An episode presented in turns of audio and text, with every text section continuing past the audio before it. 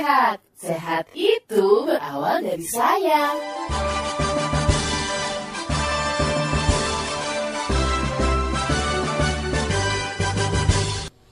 Assalamualaikum warahmatullahi wabarakatuh Halo apa kabar sahabat edukasi Senang sekali hari ini kita jumpa lagi ya Di acara rubrik sehat Alhamdulillah apa kabar Kita hari ini buat janji dengan dokter dari Puskesmas Kecamatan Cilincing Ketemu lagi ya dokter Rara Iya Bu, Assalamualaikum Waalaikumsalam warahmatullahi wabarakatuh Alhamdulillah bisa menyempatkan waktu membahas persoalan yang lagi hangat ya Bu ya.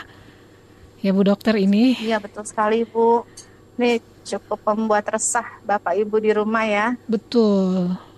Jadi tiba-tiba ngecek um, obat-obatan yang tersedia nih, yang baru dikonsumsi sama putra-putri. Kira-kira mengandung zat-zat membahayakan nggak yang memicu terjadinya gagal ginjal ya pada anak-anak ya. Aduh, men, um, prihatin gitu ya. Dokter Rara ya. Saya izin kutip sejenak ini. Yep. Ada satu berita juga terkait musibah ya yang menimpa anak-anak kita nih khususnya balita dan anak-anak yang kena kasus gagal ginjal misterius yang meninggal banyak sekali ya korban berjatuhan um, setelah ditemukan sekitar mungkin di bawah 100 sekarang sudah di atas 100 orang di hampir seluruh provinsi di Indonesia ya. Kalau nggak salah ada 22 provinsi yang sudah melaporkan kejadian tersebut. Dan setelah diselidiki, ternyata dalam kandungan darah mereka yang meninggal terdapat ada zat yang seharusnya tidak direkomendasikan gitu ya di dalam obat tersebut. Nanti dokter bisa mengulas hal itu. Silakan sekarang menyapa sahabat edukasi Dokter Rara. Baik, Bismillahirrahmanirrahim. Assalamualaikum warahmatullahi wabarakatuh. Waalaikumsalam warahmatullahi wabarakatuh. Selamat siang Bapak Ibu sekalian pemirsa Radio Suara Edukasi. Apa kabar? Semoga semuanya sehat-sehat ya. Amin. Insya Allah dokter. Alhamdulillah. Iya, jadi kasus gagal ginjal yang menimpa pada anak dan balita. Ini baru ya dok ya? Menimpa Baik, di Indonesia seben... atau gimana? Baik, uh, izin Bu, saya jelaskan sedikit ya. Sebenarnya suatu penyakit gangguan ginjal akut atau akut acute kidney injury itu adalah uh, penyakit yang sudah lama ada, tetapi memang kasusnya tidak setinggi seperti yang kita temukan beberapa bulan terakhir ini. Betul, betul ya. Iya betul, sahabat edukasi. Jadi ini adalah kasus yang seharusnya spesifik ya dok ya, nggak tiba-tiba kok jadi kayak banyak, jadi banyak ya. gitu ya. Kan jadi khawatir Baik. ini wabah dari mana gitu, wabah baru lagi atau gimana? Ya itu yang kita mau bahas ya. hari ini ya tentang waspada gangguan ginjal Baik. akut misterius pada anak. Tapi sudah terungkap ya kasusnya ya dokter. Jadi udah nggak misterius lagi ya. Jadi mungkin dokter bisa menjelaskan lagi nih duduk perkaranya gimana Baik. nih? Uh, jadi uh, Kementerian Kesehatan itu kan uh, ada tim surveillance namanya ya, di mana rumah sakit, puskesmas maupun fasilitas kesehatan itu melaporkan kepada uh, suatu sistem uh, surveillance tersebut. Nah ternyata dilihat nih data beberapa hari kenapa nih angka kejadian acute kidney injury atau gagal ginjal akut itu meningkat ya awal-awal dikatakan trimester pertama tahun 2022 kasusnya tuh masih normal masih dalam kisaran yang wajar normal Tapi tuh? di akhir dan wajar itu berapa dok? Angka kejadiannya? Baik kalau bicara prevalensi ya prevalensinya itu pada umumnya sekitar 0,5 sampai 0,9 persen pada komunitas atau 0,7 sampai dengan 18 persen pada uh, pasien yang dirawat di rumah sakit. Karena yang namanya gagal ginjal akut atau uh, gangguan ginjal akut itu bisa terjadi karena ada penyakit lain yang mendasari bu. Jadi bukan tiba-tiba langsung gagal ginjal aja, ya. Biasanya nih awalnya dia diare dengan dehidrasi berat atau dia ada infeksi dengan infeksi berat sehingga sepsis. Nah pada akhirnya akan mempengaruhi fungsi-fungsi organ lainnya termasuk ginjal. Gitu. Nah, bedanya Hmm. dengan kasus yang belakangan ini?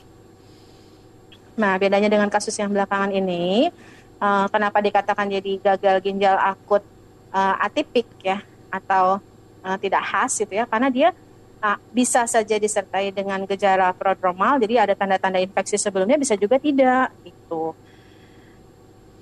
Jadi dari seluruh kasus nih saya sekilas membaca itu terakhir 133 Eh, anak, data anak dari kita ya. Kementerian Kesehatan Hah? per 18 Oktober itu sudah ada 202 Bu kasus Masya yang dilaporkan Allah. dari 20 provinsi. Ya, memang uh, angkanya cukup uh, menakutkan ya untuk kita semua dengan Betul, angka betul. kematiannya yang juga cukup tinggi. Dikatakan di RSCM sendiri 65% kasus yang ditemukan itu mengalami kematian. Tapi kita harus garis bawahi juga ya, Bu, bahwa kan kayak data dari rumah sakit seperti RSCM dia kan memang rumah sakit tipe A. Artinya pasien yang dikirim ke sana biasanya sudah dengan kondisi yang eh, lebih berat, ya. Seperti itu. Mhm. Iya, jadi ini kalau keterangan resminya tentang zat-zat yang terdapat di obat sirup ya, mungkin ini obat yang hari-hari gitu ya dikonsumsi anak, mungkin kalau batuk pilek atau gimana sih dokter? Yang kok tiba-tiba jadi masalah gitu? Apakah ini obat yang baru? Kan sepertinya tidak ya kalau lihat dari merek dagangnya ya. Apa ditambahkan Betul, kandungan yang Ibu. baru atau gimana dok? Betul.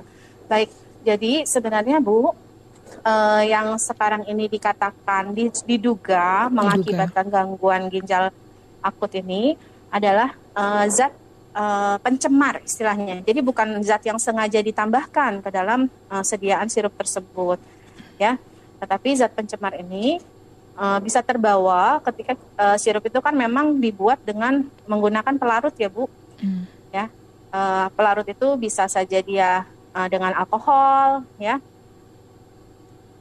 nah oleh karena itu pada saat kita menggunakan pelarut kita bisa saja membawa serta zat berbahaya tersebut Sebelum-sebelumnya gitu Zat pelarut itu juga digunakan atau tidak sih dokter pada beberapa obat ya yang diduga?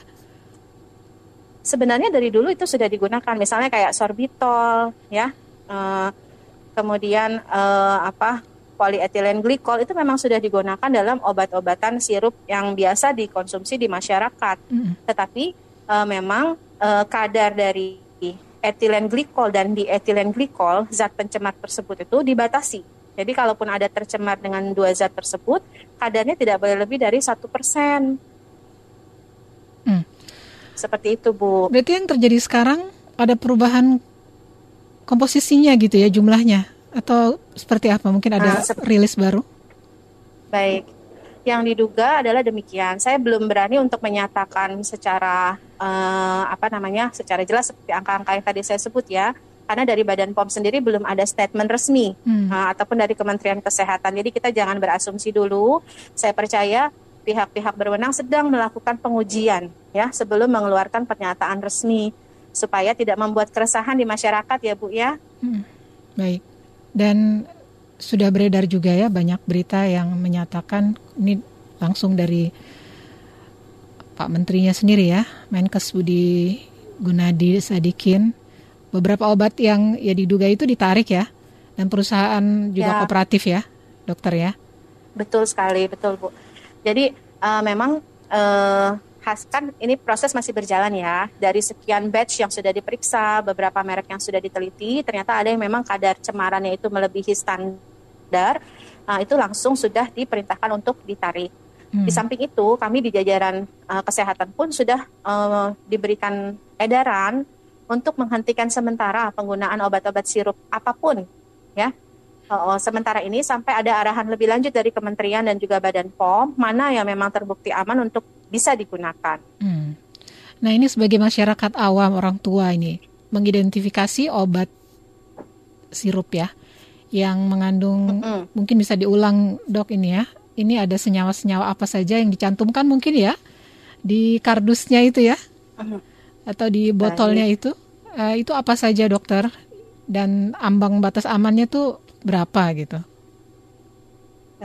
untuk zat pelarut ya ini kadang-kadang uh, pihak produsen itu tidak mencantumkan di kardus uh, produk bu. Oh. ya. Uh, ya, ya memang. Memang kadang-kadang dia tidak mencantumkan. Nanti kalau ibu-ibu mau uh, mencermati merek-merek uh, obat-obat sirup yang beredar di masyarakat biasanya mereka akan mencantumkan misalnya ya uh, paracetamol sekian miligram kemudian zat tambahannya misalkan sorbitol sekian persen misalnya ya. Nah, sementara etilen glikol dan dietilen glikol ini adalah produk sampingan yang bisa mencemari zat pelarut tadi. Jadi memang kemungkinan besar tidak tercantum di dalam kemasan dari produk. Jadi clue-nya tetapi hanya obat cair gitu ya, Dok ya? Iya, sementara ini masih sampai di situ. Obat cair itu kita uh, stop dulu. Hmm, itu obat cair itu biasanya dikonsumsi untuk keluhan apa saja nih pada anak-anak dokter? Obat-obatan yang ditarik obat, itu ya? Nah, obat cair itu banyak di uh, banyak dikonsumsi anak-anak kita ya bu, karena bisa juga dalam bentuk obat demam, ya, kemudian obat batuk pilek dan ini memang kan kasusnya banyak sekali di masyarakat ya, termasuk hampir istilahnya peringkat satu atau peringkat tiga besar dari 10 penyakit terbanyak yang ditemukan di fasilitas-fasilitas kesehatan. Jadi semua ya dok, semua jenis obat cair sekarang ditahan dulu ya dok? Ditahan dulu ya, penggunaannya dihentikan dulu. Ya, supaya ibu-ibu di rumah juga me menyimpan jauh dulu gitu ya. Sebaiknya tidak usah Betul. dikonsumsi begitu ya dok? Ya, sementara ini jangan dulu ya sampai mm -hmm. uh, ada arahan lebih lanjut dari kementerian maupun Badan POM. Oh begitu. Lantas ketika anak-anak kita mengalami gejala ya penyakit harian itu dokter, itu Baik. diberikan apa sebaiknya? sebagai okay. pengganti ya. Uh, yang paling ya yang paling umum kan uh, mungkin ibu-ibu sering simpan di rumah gitu ya obat-obat demam. Demam pada anak ini sebenarnya merupakan tanda adanya suatu uh, proses uh, infeksi di dalam tubuh ya. Infeksi itu bisa terjadi karena infeksi virus, bisa juga karena infeksi bakteri, tapi bisa juga menandakan adanya suatu proses peradangan. Misalnya Bu, anak-anak bayi atau balita yang mau tumbuh gigi ya. Itu kan gusinya itu agak meradang, membengkak, kemudian memberi kesempatan gigi untuk keluar. Ketika anak mengalami demam, kita tidak serta-merta harus langsung memberikan obat demam, ya.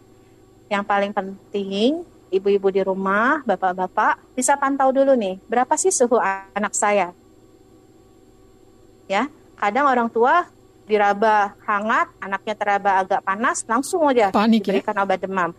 Uh -uh, padahal seharusnya kalau tidak lebih dari 38 derajat, kita bisa perbaiki dulu. Apakah anak ini kurang minum? Apakah dia misalkan terlalu banyak beraktivitas itu juga bisa mempengaruhi uh, suhu tubuh seseorang. Kemudian penggunaan pakaian yang tebal di cuaca yang panas atau pemakaian selimut berlapis-lapis, nah itu diperhatikan. Ya.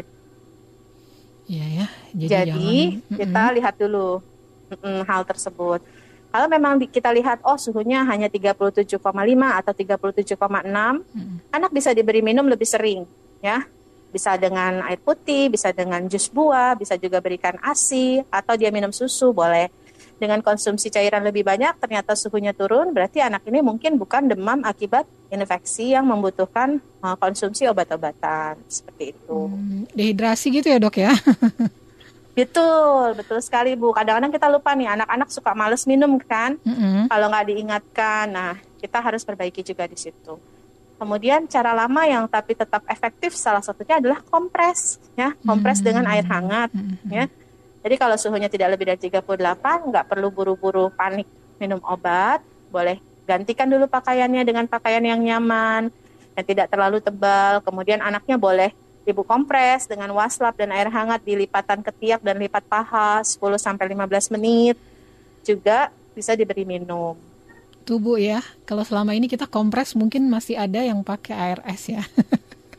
biar dingin, biar adem, tapi anjurannya malah air hangat ya dokter ya. Betul, Bu. Karena kompres dengan air dingin itu uh, logika kita kan panas dikasih dingin nanti jadi netral gitu misalnya ya. Hmm, hmm, hmm. Ternyata tidak demikian di dalam tubuh kita ketika anak yang demam kita berikan kompres dingin, pembuluh darah di perifernya, di kulitnya itu dia akan menutup oh, nah, vasokonstriksi istilahnya.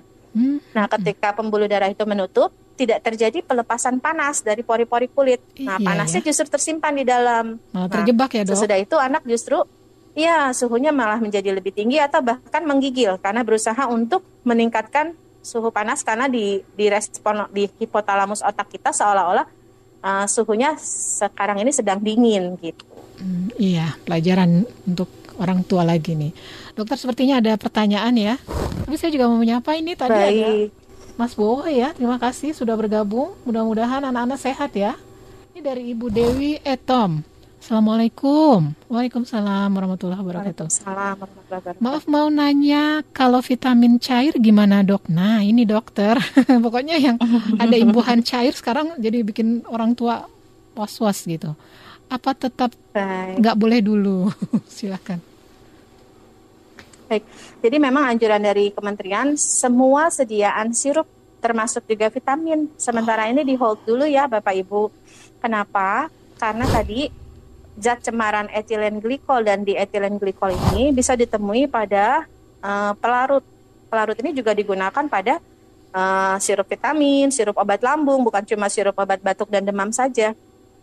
Ya, gliserin atau propilen glikol itu dia bisa terkontaminasi dengan zat etilen glikol dan dietilen glikol yang diduga membahayakan fungsi ginjal tersebut gitu. Jadi hold dulu ya, makan bergizi aja. Uh, berikan anak-anak kita sayur dan buah setiap hari dengan kombinasi warna yang bervariasi. Insya Allah itu sudah memberikan asupan vitamin dan mineral yang dibutuhkan untuk anak-anak kita. Ya mudah-mudahan ini jadi gerakan yang kompak ya. Jadi anjuran ini bisa segera mencegah jangan ada jatuh korban lagi ya dokter ya. Ini ada pertanyaan Amin, lagi amin. dari Ibu Fizri Aulia. Izin bertanya dok, pelarangan untuk konsumsi obat sirup ini berlaku untuk anak-anak saja atau dewasa juga ya? Nah iya nih bagus nih pertanyaannya dokter. Eh, untuk saat ini memang kasusnya itu banyak ditemukan pada usia di bawah 18 tahun. Tapi arahan dari Kementerian Kesehatan dan Badan POM kita stop semua sediaan sirup untuk dewasa sekalipun. Jadi sama ya, semua umur kita jangan dulu gunakan obat-obat sediaan sirup sampai ada hasil penelitian yang eh, resmi dari Kementerian Kesehatan dan Badan POM mana-mana yang aman untuk digunakan. Begitu ya. Jadi nanti akan ada diri, dirilis juga ya berita resminya Insya ya, Allah dokter Bu ya. segera. Ya. Iya ya, kan membutuhkan waktu ya untuk penelitian ya dokter ya. Dan Betul. pembuktian juga di Betul. laboratorium. Tapi memang ini kayak, aduh, sangat mengagetkan ya dokter ya.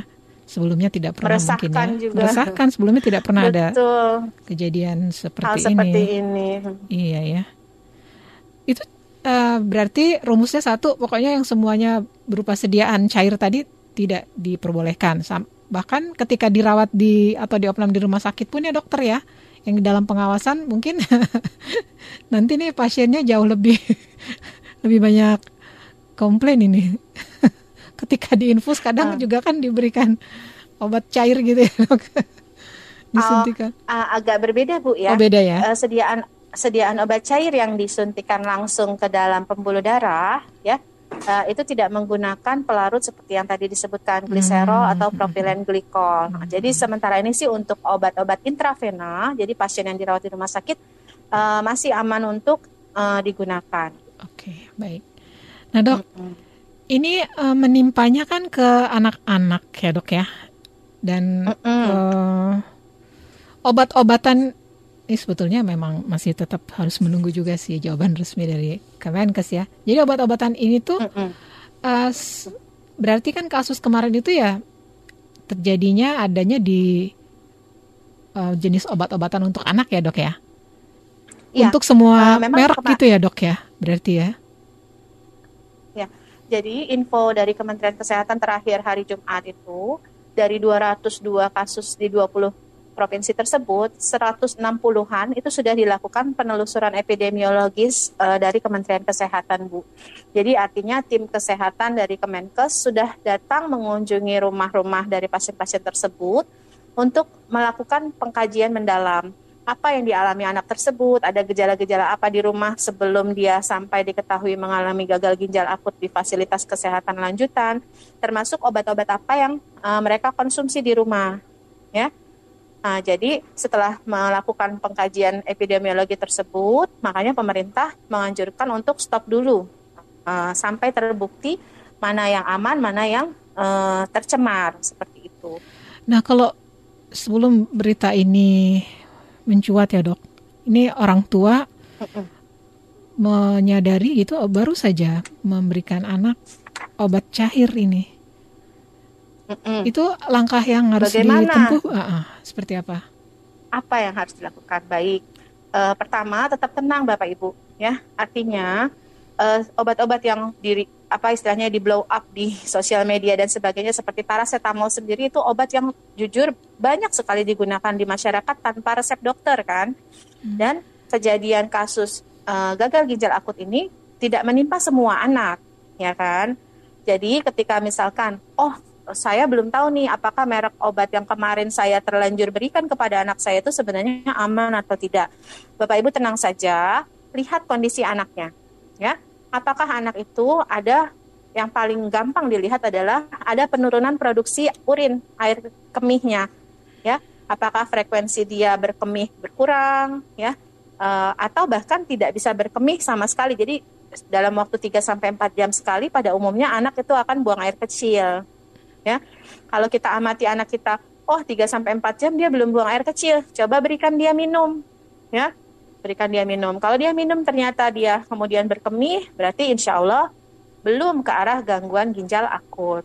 Ya, tapi kalau kita lihat, eh anak saya kemarin itu habis demam, kemudian dia ada diare misalnya atau batuk pilek dan sempat mendapatkan sediaan obat-obat sirup, nah, kemudian dilihat dia produksi urinnya itu menurun atau bahkan tidak ada urin sama sekali, Bapak Ibu silahkan datang ke fasilitas kesehatan yang terdekat nanti sampaikan kepada tenaga kesehatan keluhan yang dirasakan uh, anaknya. Nanti kami bisa melakukan penelusuran lebih lanjut ya, termasuk juga pemeriksaan laboratorium untuk memastikan apakah betul terdapat gangguan ginjal akut pada anak tersebut. Seperti itu, Ibu. Mm -hmm. Biasanya gangguan ginjal akut dengan gejala-gejalanya ya, Dok ya, sampai mm -hmm. tidak tertolong gitu ya nyawa anak kita ini. Itu berapa lama, Dok? Fasenya? Uh, yang namanya penyakit gangguan ginjal akut ini kejadiannya tentu kurang dari tujuh hari hmm. ya ibu. Uh, tapi kalau mengatakan atau menyatakan seberapa cepat perburukan itu bisa terjadi itu tergantung sekali dengan kondisi klinis pasien. Jadi tidak bisa kita memukul rata pada setiap kasus ya. Nanti akan dilihat kembali misalkan apa uh, penyakit dasar yang terdapat pada pasien tersebut Misalnya dia disertai dengan pneumonia atau dia disertai dengan diare dan dehidrasinya berat, itu mungkin perburukan fungsi ginjalnya akan terjadi lebih cepat dibandingkan dengan misalnya orang yang atau anak yang diare tapi dehidrasinya hanya sedang seperti itu Bu. Iya, Banyak dok. ada faktor-faktor lain yang juga mempengaruhi. Ya, misalnya dokter kasusnya tuh murni ya karena ada apa tadi dokter zat pelarut itu tadi ya yang yang ya, obat hmm. uh, yang memicu gitu ya kejadian gagal ginjal akut pada anak ini. Um, itu bisa disembuhkan atau tidak sih dokter? Atau memang sefatal itu gitu? Kalau murni ya karena konsumsi obat itu. Uh, baik. Kalau murni karena konsumsi obat ya sebenarnya memang uh, zat etilen glikol dan di etilen glikol ini mungkin banyak masyarakat juga sudah mendengar pemerintah sudah memberi antidotum atau anti racunnya. Memang dia ada zat untuk uh, istilahnya penetralnya. Tetapi ketika sudah terjadi gangguan di dalam tubuh, ya gangguan fungsi ginjal, itu nanti harus dilihat lebih lanjut. Apakah gangguan yang ditimbulkan itu sudah mengakibatkan kerusakan yang permanen atau memang masih ringan. Jadi sangat dipengaruhi oleh uh, banyak faktor sih Bu. Tidak bisa kita memukul rata setiap orang yang mendapatkan cemaran zat tersebut itu pasti akan sembuh atau justru tidak akan sembuh. Hmm. Ada parameter-parameter klinis lain yang harus dilihat pada kasus uh, per individu. Begitu ya. Tapi dari kasus yang menimpa uh, ada berita kesembuhan atau tidak dokter? Jadi dari dari berita yang sedih-sedih uh, ini ada harapan uh, apa gitu? Baik, kalau melihat press release-nya Kemenkes ya Bu, dari 202 kasus dikatakan angka kematiannya 99, memang angka kematiannya berarti sekitar hampir mendekati 50 persen. Tapi artinya ada 50 lebih juga, 50 persen lebih yang mengalami perbaikan, ya kan? Hmm.